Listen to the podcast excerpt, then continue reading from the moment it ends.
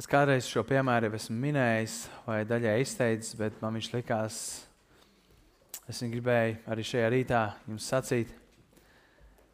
Um, Samanta savā laikā uzaicināja Elisi uz jauniešiem vai uz dievkalpojumus, neatceros. Elisa atnāca, viņai bija wow! Viņa aizgāja pie savas māmas un teica, māte, tev ir jāatnāk. Māma atnāca, Edīte. Atnāca arī Edvards, viņas vīrs, kurš tā laikā nebija vēl ticīgs. Nē, nu viņš bija. Ticēt, ja viņš ticēja kaut kam, bet viņš vēl nebija Dieva bērns. Un tad Edīte ar Edvardu sāk nākt.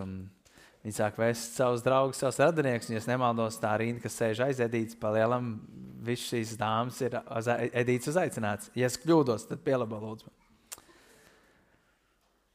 Un tur pa kreisi sēž Zana, arī viņa radiniece, kas arī tika uzaicināta. Bet, un vēl ir kādi cilvēki gan jau, bet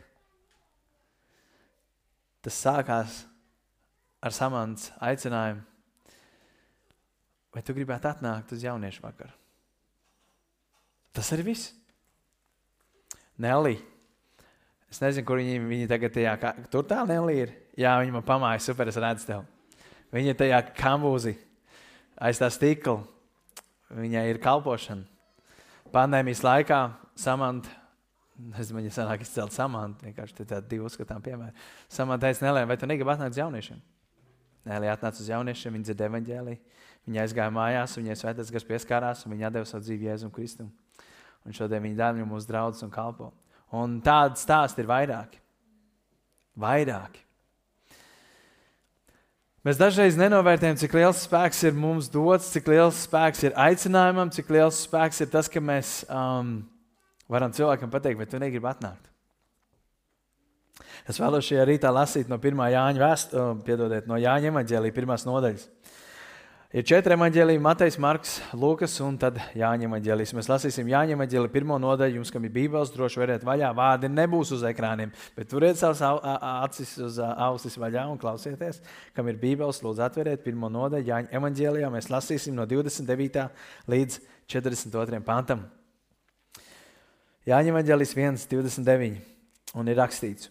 Otrā dienā Jānis, tas ir Jānis Kristītājs, ierauga nākam Jēzu un saka, redzi, Dieva jērs, kas nes pasaules grēku. Šis ir, par ko esmu sacījis, ka pēc manis nāks vīrs, kas man, man ir pārspējis, tāpēc ka viņš bija pirmāk nekā es.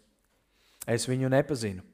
Bet lai viņš kļūtu ziņā, zināms Izraēla tautai, tāpēc es nācu kristīdams ar ūdeni.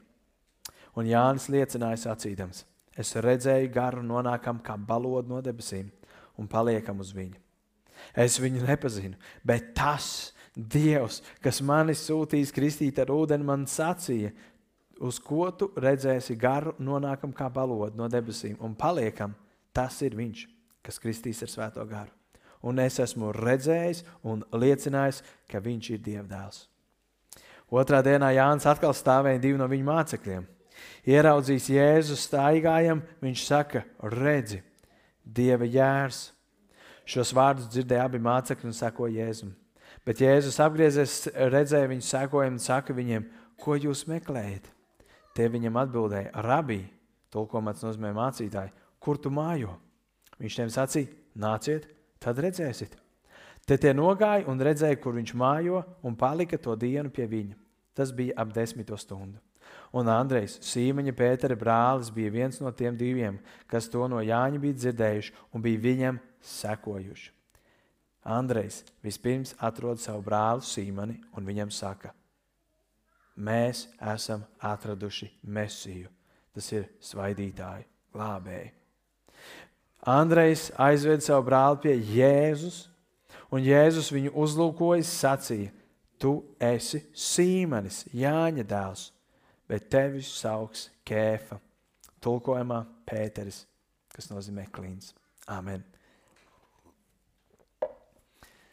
Šis stāsts sākās ar vārdiem 29. pantā, un uz ekrāniem mēs redzam, un Jānis ierauga. Jānis ierauga, man jāpārbauda. Jā. Jānis ierauga Jēzu. Ziniet, dažreiz daudzas lietas dzīvē sākās ar to, ka tev ir jāpaskatās. Ziniet, to, ka nereti filmās uh, uh, ir tāds stāsts, man ir jā, mīlestība no pirmā skatiena. Un iespējams, kādiem no jums ir stāsts. Ir vairākas liecības dzirdētas. Piemēram, Andrejs, kur ir Andrejs? Kaut kur bija. Augšā ir, es redzēju. Andrejs, viņš ir stāstījis to, ka viņš paskatījās savu sievu, viņš sajūta, ka Dievs viņam saka, tā būs manējā.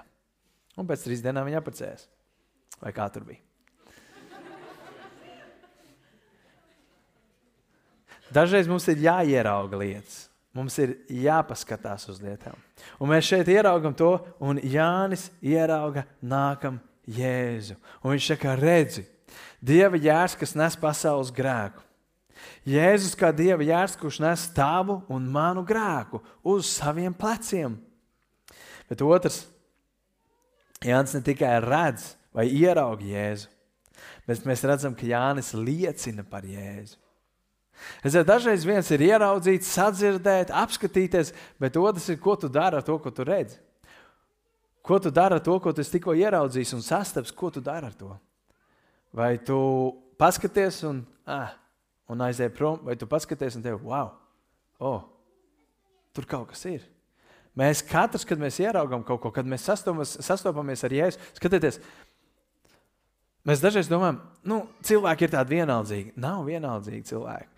Garīgajā ziņā tu vai nu esi ar viņu, vai tu neesi ar viņu. Tu vai nu paskaties uz Jēzu un tu saki, mans kungs un glābējs, vai nu tu paskaties uz Jēzu un pasaki, man tagad neinteresē. Nav tāds pa vidam. Tu vai nu ar viņu, vai nu tu neesi ar viņu. Un Jānis saka, es esmu redzējis, un tāpēc es liecinu.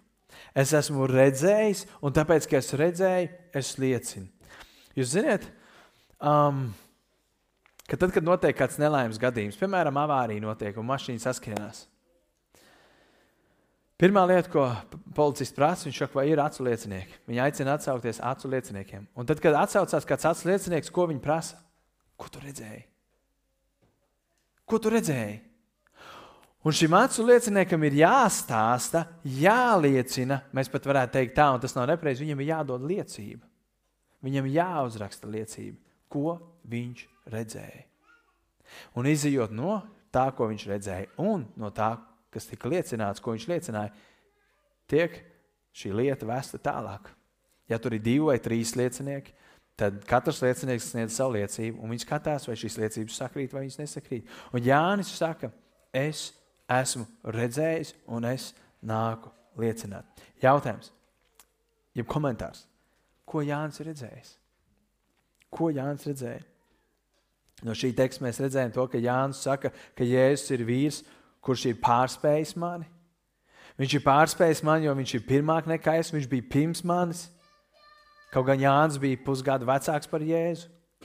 Ko viņš vēl redzēja? Viņš redzēja, ka gars kā balodis bija nolaidies uz Jēzu Kristu. Gars kā balodis nolaidās uz Jēzu Kristu, kad viņš tika kristīts.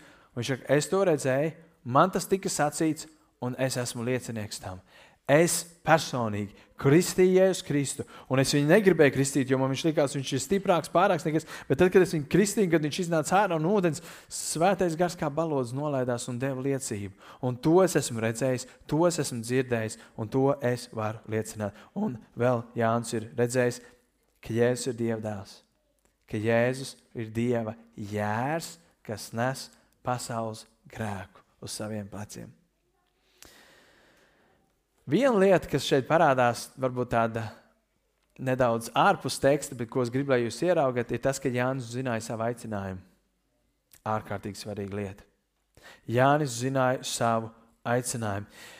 Ja es tev jautātu, un tev nav jāatbild tagad priekš manis, bet padomā priekš sevis, ja es tev jautātu, kāds ir tavs aicinājums? Uz ko Dievs tevi ir aicinājis? Kādu dāvanu, gara dāvanu Dievs ir devis tev, ar kuru tev ir jākalpo, jānes svētību citiem. Kas ir tas, ko Dievs tev ir devis? Vai tu vari atbildēt priekš sevis? Jānis, ja mēs paskatāmies, mēs redzam, ka viņš zināja savu aicinājumu. Mēs apskatīsimies 31. un 32. pantu kopā. Un Jānis saka, es Jēzu nepazinu. Bet, lai viņš kļūtu zināms Izrēlam, tas ir visai tautai, es nācu kristīdams ar ūdeni. 31. pāns, 33. pāns. Es viņu nepazinu, bet Dievs, kas mani sūtīja kristīt ar ūdeni, man sacīja, ko tu redzēsi, garu nonākam kā balodi no debesīm un paliekam, tas ir viņš, kas kristīs ar svēto gāru. Jānis vispirms pasaka to, es kristīju ar ūdeni. Viss, ko es daru, es kristīju ar ūdeni uz grēku nožēlu. Viņš saka, bet tas, un manā Bībelē, es nezinu, kā jūs, bet tas ir rakstīts ar lielo burtu. Attiecināms uz Dievu. Dievs ir tas, kurš mani ir sūtījis kristīt ar, svēto, ar ūdeni. Dievs man sūtīja kristīt ar ūdeni. Tas nebija Jānis vienā dienā izdomājis, kā būtu baigi labi, es varētu sākt vienkārši kristīt cilvēkus. Viņi būs Jāņa kristītāji mācekļi, un man būs čūpa ar mācekļiem, kas man sekos. Viņš saka, Dievs man sūtīja kristīt ar ūdeni. Un Jānis 31. pāntā saka, es kristīju ar ūdeni. Lai Dieva tautai Jēzus kļūtu zināms. Jāņa kalpošana bija paklausība Dieva vārdam. Jānis zināja, ko Dievs viņu aicinājis. Labi, mēs varētu teikt, nu jā, Jānis ir īpašs. Jo viņš bija izredzēts. Viņš bija kā vēstnesis, kas bija Dieva priekšā un Jēzus priekšā, un viņš ir īpašs.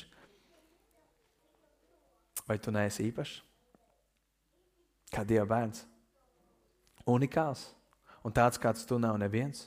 Nekad nav bijis, nekad nav, un šobrīd nav un nekad nebūs. Tas ir unikāls. Tavs dāvans ir unikāls. Neviens nevar veikt šajā laikā to kalpošanu, ko tu vari veikt. Tu esi unikāls.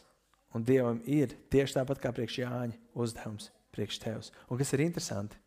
Mēs teiktu, Jānis, svētīts Dieva vīrs, ja man būtu tā kā viņam. Jānis nomira 33 gadu vecumā, vai 30 gadu vecumā, piedodiet, 30. Bet 30 gadu laikā viņš izdarīja to, kam Dievs viņu bija radījis. Jānis liecināja par to, ko viņš redzēja un piedzīvoja.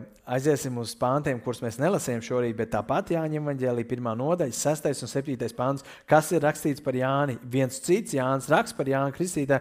Viņš saka, nāca cilvēks, 6. pāns, Dieva sūtīts vārdā Jānis.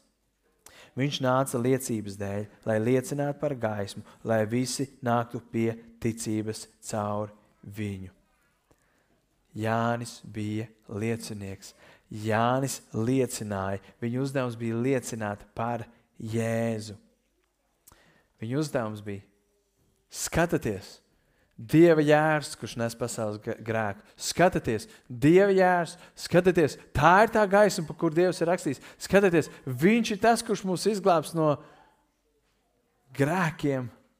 Skatieties, skaties uz viņu, skaties uz Jēzu, met savu skatu uz Jēzu. Tas ir tas, ko viņš saka. Viņš nāca liecības dēļ, lai liecinātu par gaismu, lai visi nāk pie ticības. Jānis un Jāņa uzdevums bija liecināt par Kristu. Nekas grūts, nekas sarežģīts. Vienkārši viņš teica cilvēkiem, redz, kur, redz, kur Jēzus. Un, ja, mēs, ja, ja jūs gribat kontekstu vairāk saprast, tad līdz tekstam, kur mēs lasījām, pirmā jāņem aģēlī sākums, 1 līdz 28 bandam, Pharizēji saka, kas tu esi, Jāni? Vai tu esi Mesija? Vai tu esi Elija? Vai tu esi kāds no gaidāmajiem praviešiem?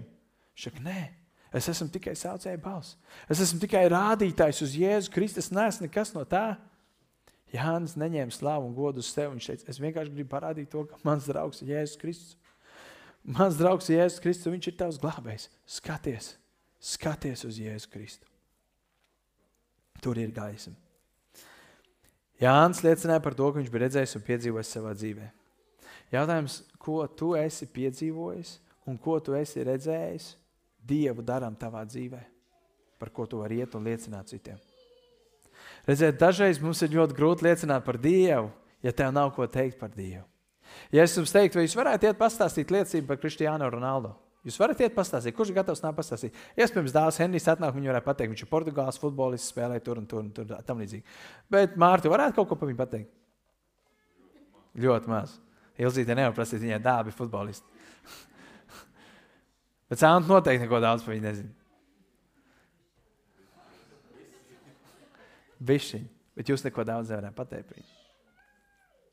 Bet par Jēzu Kristu, ja tev ir attiecības ar Jēzu, mums ir jāspēj pateikt, es esmu redzējis, Es esmu piedzīvojis, tas darbojas. Tas darbojas manā dzīvē. Es esmu piedzīvojis, kā Dievs dziedina manā dzīvē, tas, ko Laura teica. Es esmu piedzīvojis, kā Dievs uh, atjauno attiecības salauz. Es esmu redzējis to, kā Dievs vienkārši ir izcēlis man no grēkiem, no atkarībām. Es to esmu redzējis, es to esmu piedzīvojis manā dzīvē. Un, ja tu esi tajā situācijā, nāc pie Jēzus Kristus. Šeit ir Viņš. Skaties, Viņš man izglāba, Viņš man pestīja. Tas nav par mani, tas nav par mani stāsts, tas nav par mani liecību, bet tas ir par to, ko Viņš ir izdarījis. Tas ir tas, ko darīja Jānis. Un, ja tu nepiedzīvo, ja tu neredzi, tad tev nav par ko liecināt. Ja tev nav notikumu tavā dzīvē, tev nav par ko liecināt. Tev pat īsti nav ko pateikt. Un, un, un, un, tagad man ir grūti. Es varu iet tādā pretrunā pats ar sevi. No vienas puses, vienīgais, ko dažreiz mums atliek darīt, mēs vienkārši aicinām cilvēku uz baznīcu. Cerībā, ka Toms varētu viņam kaut ko pateikt, jo man jau īsti nav ko teikt. Un tas nav slikti, un es dažreiz saku, jā, aiciniet cilvēkus uz draugu. Tas ir ārkārtīgi svarīgi, jo tas ir tas, ko viņš var piedzīvot Dievu. Es esmu tik daudz reizes dzirdējis, ka cilvēks saka, zin, es esmu piedzīvojis Dievu. Es jūtu Dieva klātbūtni šeit. Un to nevar noliekt. Un tev nav jābūt kristietim, lai tu piedzīvotu Dieva klātbūtni. Dieva tuvumu, klātbūtni, mieru un prieku var piedzīvot arī cilvēks, kurš Dievu nepazīst. Viņš var saprast, tur kaut kas bija.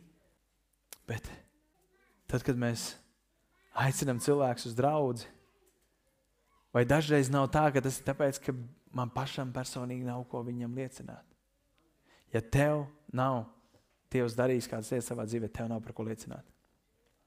Un tāpēc dažreiz mēs vienkārši nevis pārmetot, bet es labāk stāvu klusu, ja man nav ko teikt, man nav ko liecināt. Tāpēc ir ārkārtīgi svarīgi, kāpēc man patīk, ka mēs varam nākt un liecināt, teikt liecības. Cik reizes es neesmu dzirdējis, ka jūs esat teikuši, tas man ir bijis par svētību. Kas tev ir bijis par svētību? To, kā kāds cits ir redzējis un piedzīvojis, un šajā brīdī stāvo pie mikrofona, trīcošām kājām, trīcošām rokām, trīcošā balsī, drabošs sirdi, bet viņš liecina par Jēzu Kristu. Vai jūs zināt, un es gribu, lai mēs lasām kopā apakstu darbu viens astoņu, bet ne visu rakstiet, bet es izlasīšu vienu vietu, un jūs lasiet tālāk. Apakstu darbu viens rakstīts, bet jūs dabūsiet spēku, kad svētais gars būs nācis par jums, un jūs būsiet mani kas? Liecinieki. Kā Jeruzalemē, tā visā Jūdijā un Samarijā un līdz pašam pasaules garam, galam. Jūs dabūsiet spēku, un šis spēks tevi nelietīgu, nelietojamu, grēcīgu, iespējams, cilvēku, kurš bieži klubu var paņemt un stiprināt un spēcināt, un tevi padarīt par liecinieku, par svētību. Jeruzalemē, Jūdijai, Liepājai, Daugopilī, Rīgai, Latvijai, Eiropai un līdz pašai pasaules malai. Dievs tevi var padarīt un padara par liecinieku. Par liecinieku. Tu un es, mēs būsim Kristus liecinieki. Nevis būsim, bet mēs esam Kristus liecinieki. Jānis liecināja par Jēzu. Viņš teica, tas ir Jēzus. Vai tu liecini par Jēzu? Jānis liecināja par Jēzu, un kas notika? Aiziesim līdz 37. pantam, 37. pants. Šos vārdus dzirdēja abi mācekļi un sekoja Jēzum. Okay. Dzirdēja. Šos vārdus dzirdēja. Kurus vārdus? Kā vārdus? Jāņa vārdus. Ko Jānis teica? Šis ir Dieva jērs, kas nes pasaules grēku. Šis ir tas, kurš atbrīvos tevi no grēka. Šis ir tas, kurš piedos tavus grēkus. Šis un šos vārdus, kurus teica Jānis, šo liecību, kur liecināja Jānis, dzirdēja. Okay? No sākuma dzirdēja abi mācekļi. Lai dzirdētu, kādam ir jāsludina pareizi. Tu nevari dzirdēt, ja viss stāv klusu. Mēs šorīt nebūtu dzirdējuši nevienu liecību, ja neviens nebūtu piecēlies un liecinājis. Tas, ka jums sirdī ir liecības, tas nav slikti un tas ir labi. Bet, lai kādam tā būtu par svētību, viņi ir jāizsaka un kādam viņi ir jādzird. Un tad, kad viņi ir dzirdēti, tad dzirdētais vārds var savienoties ar klausītājiem un rasties ticību. Vai tu sludini, un vai no tevis var dzirdēt aicinājumu nāc pie Jēzus? Ko tu, jeb ko no tevis dzird? Okay. Un nākošais šos vārdus dzirdēja abi mācekļi. Un kas tur rakstīts tālāk? Sekoja. Dzirdēja un sekoja. Jūs piekritīsiet ļoti vienkārši, nezinu, gramatikas likumu, vai es nezinu, kā tu pasaki, vai notikuma attīstība, vai viņi sekot, ja viņi nebūtu dzirdējuši. Kā lai seko, ja nav dzirdējuši? Ja es jums nebūtu izteicis aicinājumu uz dzimšanas dienu vai uz angļu valodas dievkalpojumu, jūs zinātu, ka jānāk. Ja neviens jums nepateiks, ka ir tajā un tajā datumā angļu valodas dievkalpojums, jāuzaicina kāds draugs, kurš runā angliski. Vai jūs dzirdētu, vai jūs aicinātu? Nē. Vispirms dzirdēja mācekļi, un tad sekoja. Viņi varēja dzirdēt, jo uh, dzirdēt, tad viņi sekoja. Viņi dzirdēja, jo kāds studināja un liecināja. Dzirdēšana cilvēku ved pie darbības. Ko tu dari tad, kad tu dzirdi? Ko tu dari tad, kad tu dzirdi? Šie divi mācekļi, mēs tekstā lasām, viņi sekoja, jo viņi dzirdēja. Viņi dzirdēja, jo Jānis liecināja. Un neredz cilvēki domā, ka tas ir mācītāja darbs sludināt un liecināt pūļiem un sludināt uz draugu un uz lielu pūku barvu. Mācītājs ir tas, kuram ir dots runas dotības, un viņš tik labi zina, viņš zina labāk. Nu, ko tad es, es jau neko nevaru pateikt, bet mēs redzam, kad Jānis liecināja, kad viņam stāvēja blakus tikai divi. Viņš nerunāja pūli. Kaut arī viņš runāja uz pūļiem, uz lieliem pūļiem, tur citā vietā rakstīts, kad viss Izraels nāca pie viņa. Bet mēs redzam, ka šajā reizē viņš liecināja, ka viņiem stāvēja blakus tikai divi mācekļi. Tas nebija liels pūlis, tas bija vienkārši trīs draugi stāvēja un garām gāja Jēzus. Un viņš saka, viņš, viņš ir glābējs. Skatāmies tālāk. 35. un 37. pāntā mēs redzam, ka um, otrā dienā Jānis atkal stāvēja, un divi no viņiem, no viņa mācekļiem, ieraudzījis jēzu staigā, viņš saka, redzi, dieva jērs, un šos vārdus dzirdēja abi mācekļi un sekoja Jēzum. Pietiek, ja ir viens vai divi klausītāji. Pietiek, ja tev ir viens cilvēks līdzās, kuram tu vari teikt, skaties, uz Jēzu. Klausies, es gribu kaut ko pateikt, kas notika manā dzīvē. Klausies, es gribu pateikt, ko Jēzus izdarīja manā dzīvē. Un tu liecini šim vienam vai diviem cilvēkiem par Jēzu. Tev nav jābūt, tev nav vajadzīgs liels pūles, lai tu varētu ietekmēt. Tev nav jābūt mācītājam, lai tu varētu liecināt un sludināt. Tev nav pat jābūt influencerim ar 5000 sekotāju, lai tu varētu būt ietekmīgs cilvēks un kādam liecināt. Ja tev ir attiecības vismaz ar vienu cilvēku, vai tev ir paziņa, vismaz viena paziņa, tu vari jau liecināt šim vienam cilvēkam par Jēzu. Tas arī viss vienam cilvēkam. Un romiešos ir rakstīts 10, 17. Ticība nāk no Dieva vārda dzirdēšanas.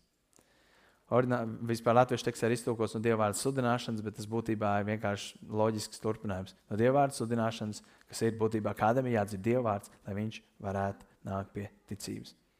Jānis liecināja tikai diviem cilvēkiem, kas notika čālāk no, kas notika tālāk. Šie divi cilvēki beigās kļuva par Jēzus mācekļiem, par Jēzus tiešiem sekotājiem, par Jēzus apstuļiem. Šie divi cilvēki, šie divi mācekļi, kas bija pie Jāņa, tagad kļuva par Jēzus apstuļiem.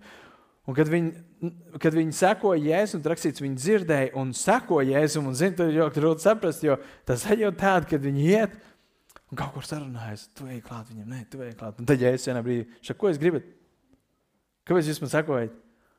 Un liekas, tu, kur dzīvo? Kurš no jums tā dara? Man, ne? Tu ieraugi meiteni, man ne, vai zēnu te līdzi. Viņš jau papildus, kur tu gribi, kur tu dzīvo. Man, ne? tev, tev noteikti kaut kāda attiecīga iestāde uzsūtīt. Viņš reāli prasa, kur dzīvo. Bet, ja es saku, nāc un skaties. Šeit tur kungi iela tāds un tāds. Viņš šeit, nāču, nākat un skatieties. Un kas notika? Veselu dienu, nu labi, nepilnu dienu viņi pavadīja kopā ar Jēzu. Šie divi mācekļi pavadīja dienu kopā ar Jēzu. Tad, kad tu nāc pie Jēzus, tad, kad tu nāc pie Dieva, kas ir tas, ko tu sagaidi? Kas ir tas, ko tu sagaidi, kad tu nāc pie Jēzus? Kas ir tas, ko tu sagaidi, kad tu nāc šeit uz draugu? Nerad cilvēki, kad viņi nāk pie Dieva vai kad viņi nāk pie Jēzus, nereti tās ir Viņiem ir kādas problēmas, kas viņus spiež, un viņš nāk dēļ šīm problēmām. Nereti tas var būt finanses, kas viņus vienkārši nospieduši pie zemes, ka viņš saka, vienkārši es, es, es, es nevaru, es nevaru, vienkārši man vajadzīgs Dievs. Dažreiz tās var būt salauztas attiecības, kā rezultātā cilvēki nāk pie Dieva, kad viņam viss ir sabrucis un liekas, tas tuvākais cilvēks viņu pamets, un viņam liekas, Dievs ir tas, kas man var dzirdēt. Dažreiz varbūt tā var būt kāda slimība, kad cilvēks nonāk slimībā vai uz nāves gultas, viņš sāk, nāk pie Dieva. Un tas var būt daudz kas cits kā rezultātā. Bet, kad Andrejs ar otru mācekli. Pēc Jāņa liecības bija pavadījuši veselu dienu kopā ar Jēzu. Ziniet, kas bija? Viņa dzīves bija mainījušās. Viņu dzīves bija mainījušās. Andrejs bija tādā sajūsmā, tādā sajūsmā, ka viņš bija atradzis Jēzu, ka viņš beidzot viņš atstāja šo Jānu. Viņš saka, Viņš zina, ka Jānis liecina par jēru, viņš iet pie paša Jēzus Kristus un skatieties, ko mēs lasām tālāk, 41. un 42. pāns. Viņš vispirms atrod savu brāli Sīmani un viņam saka, mēs esam atraduši mesiju. Tas ir sva, um, svaidīto. Un viņš to aizved pie Jēzus, un varbūt šeit paliksim. Viņš to aizved pie Jēzus. Šī īpašība es esmu novērojis jauniem kristiešiem. Tur ir rakstīts, vispirms, nevis viņš zina kaut ko citu, gāja darīt, bet pati pirmā lieta, ko viņš gāja darīt, man tas ir jāpastāsta kādam citam. Es vienkārši nevaru. Un man ir tik patīkami bijis runāt ar, ar kādiem no jums, kas esat atgriezušies. Un es to jums arī esmu teicis. Man ir tāds prieks tev dzirdēt, ka tu vienkārši, tu vienkārši sajūsmēs, stāsti es darīju to manā dzīvē, un es gribu pastāstīt, tad es nezinu, ko viņi par mani domās, vai vispār kādreiz man gribēs runāt. Atkal. Es vienkārši gribēju pastāstīt viņiem par Jēzu.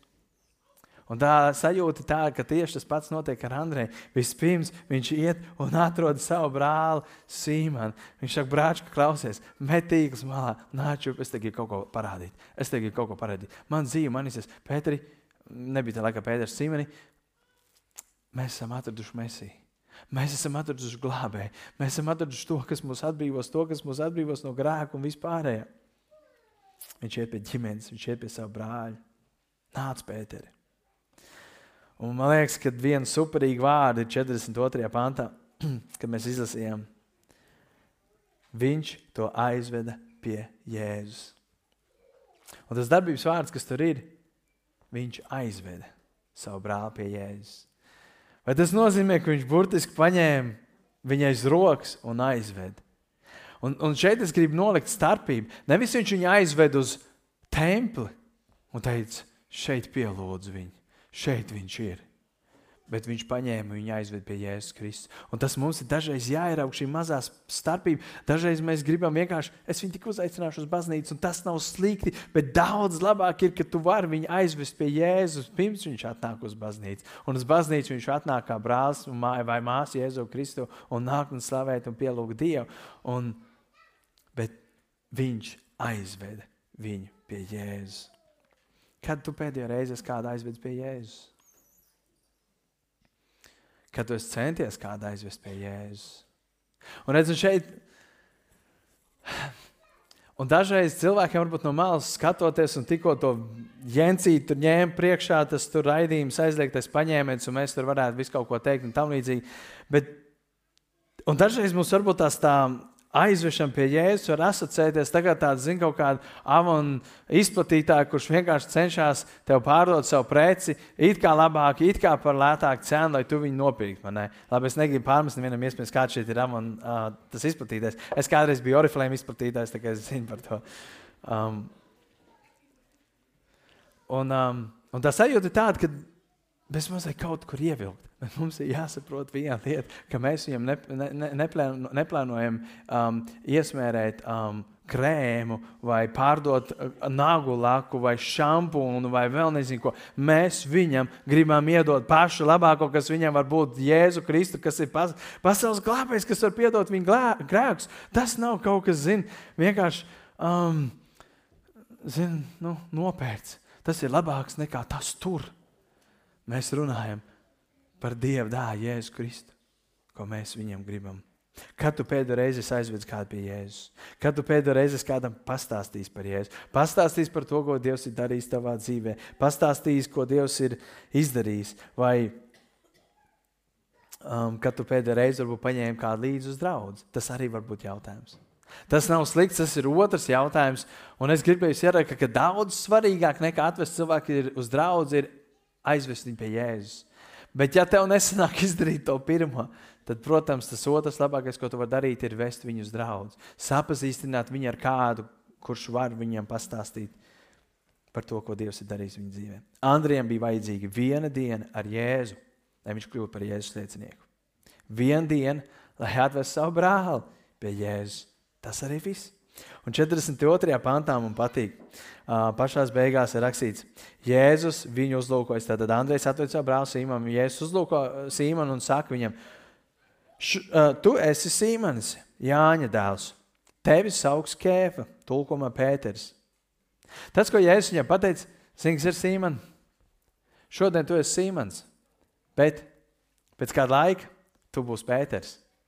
Es jums pateikšu, ko nozīmē vārds Simons. Simons tulkojumā nozīmē nu, dzirdēt. Šodien tu dzirdi, bet rītdien tu darīsi. Šodien tu esi kāds, kuram pašam vēl jāsludina Dieva vārds, bet kādu dienu tu būsi klīns. Šodien tu vēl esi nepilnīgs un tu daudz klups un kritīs, Pēter. Bet kādu dienu tu būsi tas, pie kā daudz tversies. Un man patīk ieraudzīt to bildi, ko Dievs dara. Viņš paņem sīmaņus un padara viņus par pēteriem. Viņš paņem tos, kuriem ir jādzird, un padara viņus par klintīm. Un vai tas nav tas, ko Dievs ir izdarījis ar daudziem no jums? Tas ir tas, ko Dievs izdarīja man. Man skatuves priekšā atrasties pirms tam. Tā bija patpritīgākā lieta, kas varēja notikt. Es jums esmu stāstījis, nestāstīšu atkal, kas Dievu lūdz, lai man nebūtu jāiet uz to lietu, ko es jau biju darījis vairākas reizes pirms tam.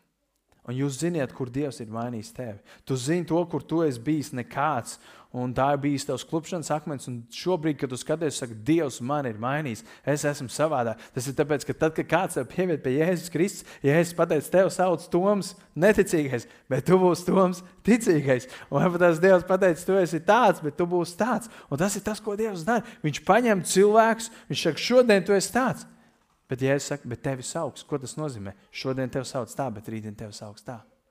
Viņš iedod, viņš sauc vārdā to, kas vēl nav. Viņš paņem kaut ko un sauc vārdā pavisam savādāk. Viņš pasludina nākotni, viņš redz.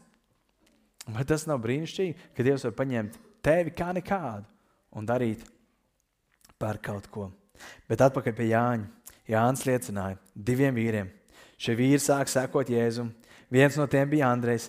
Andrejs ar uzreiz dodas pie sava brāļa Sīmaņa, aizved viņu pie Jēzus. Jēzus viņam dod jaunu vārdu - Pēters, Klints, un Pēters kļūst par vienu no Jēzus tuvākajiem mācekļiem, patiesībā par vienu no top 3. Viņš kļūst Jēzus vistuvākajā lokā, un tad, kad atnāca Vasaras diena, Jē, Pēters liecināja un atgriezās 3000 cilvēku. Tas ir tas, par ko Jēzus uh, runāja Jāņem Aņģēlē. Viņš teica, šodien tas tikai Sīmans, bet kādu dienu tu sludinās Pēteru, un 3000 cilvēku atgriezīsies. Man tas liekas vienkārši wow! Un, ziniet, un šodien pat lielākās konfesijas strīdās, kuriem tā Pēters pieder. Kā to es saku, viņš ir mūsu pirmais pāvests. Un tā protestanti saka, nē, viņš nav vispār ar katoļiem nekāda saistība, viņš ir mūsējais. Viņš ir mūsējais. Tāpēc, ka mēs redzam to, ko Dievs ir darījis pie sīmaņa. Un viņš padarīs viņu par Pēteri. Ziniet, atcerieties, Sauls saules. Un tad, kad viņš sastapās ar Jēzu, viņš teica, tevi sauks kā Pāvils. Dievs maina vārdus. Dievs paņem un Dievs izmaina. Atpakaļ. Ar ko viss šis sākās, ko es jums mēģināju šajā rītā pateikt? Viss sākās ar 29. pantu, kur ir rakstīts, otrā Jānis ierauga Jēzu un saka, Ar to sākās šis stāsts, ka Jānis ieraudzīja, viņš teica, redzi, Dieva jērs, kas nes pasaules grēku. Šī iemesla dēļ, un kur tas aizgāja? Pa ķēdīti Jānis divi mācekļi, Andrejs, Sīmans, pēc tam Pēters, pēc tam 3000 cilvēku un pēc tam vēl vairāk tūkstoši cilvēku. Samants nebija sākumā, pēc tam viņš kaut ko redzēja. Samants, Elis, Edīte, Edvards, Zana, meitenes aiz muguras un daudz citi. Jēzus sauc vārdā to, kas vēl nav. Dievs var paskatīties uz alkoholiķi un pateikt, tu būsi brīvs, tu būsi tēvs. Dievs var paskatīties uz kādu, kurš ir atkarīgs no atkarībām, un viņš var pateikt, tu būsi mans liecinieks. Tu tagad liecini, un tava liecība bija galīgi nekāda. Antiliecība, bet tu būsi mans liecinieks. Dievs var pateikt vientuļai māmiņai, tu būsi daudzu bērnu māte.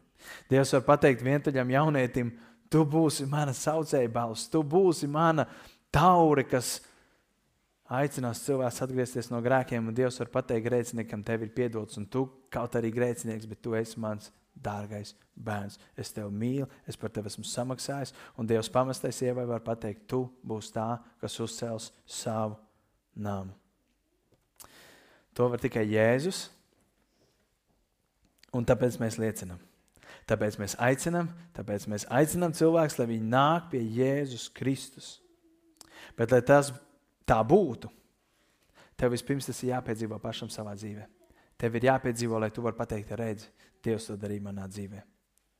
Vispirms tas sākās ar tavām personīgām attiecībām, lai tev būtu ko teikt, lai tev būtu par ko liecināt, un tad tu vari aicināt citus pie Jēzus un uz draugu.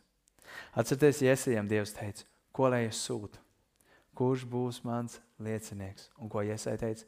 Kungs, šeit, Dievs, šeit es esmu, lūdzu, sūti mani. Un vēlāk, pēc daudziem gadiem, nāca Jēzus un teica, jūs būsiet mani liecinieki, kā Jeruzalemē, tā Jūdijā, Samarijā un līdz pašam pasaules galam. Un viņš teica, ejiet un dariet par mācekļiem visas tautas. Un mans aicinājums šorīt priekš tevis ir, ej! un esi Kristus liecinieks, tāpat kā Jānis, tāpat kā Andrejs un tāpat kā Pēters un vēlāk daudz citi. Un varbūt tā šajā rītā tu klausies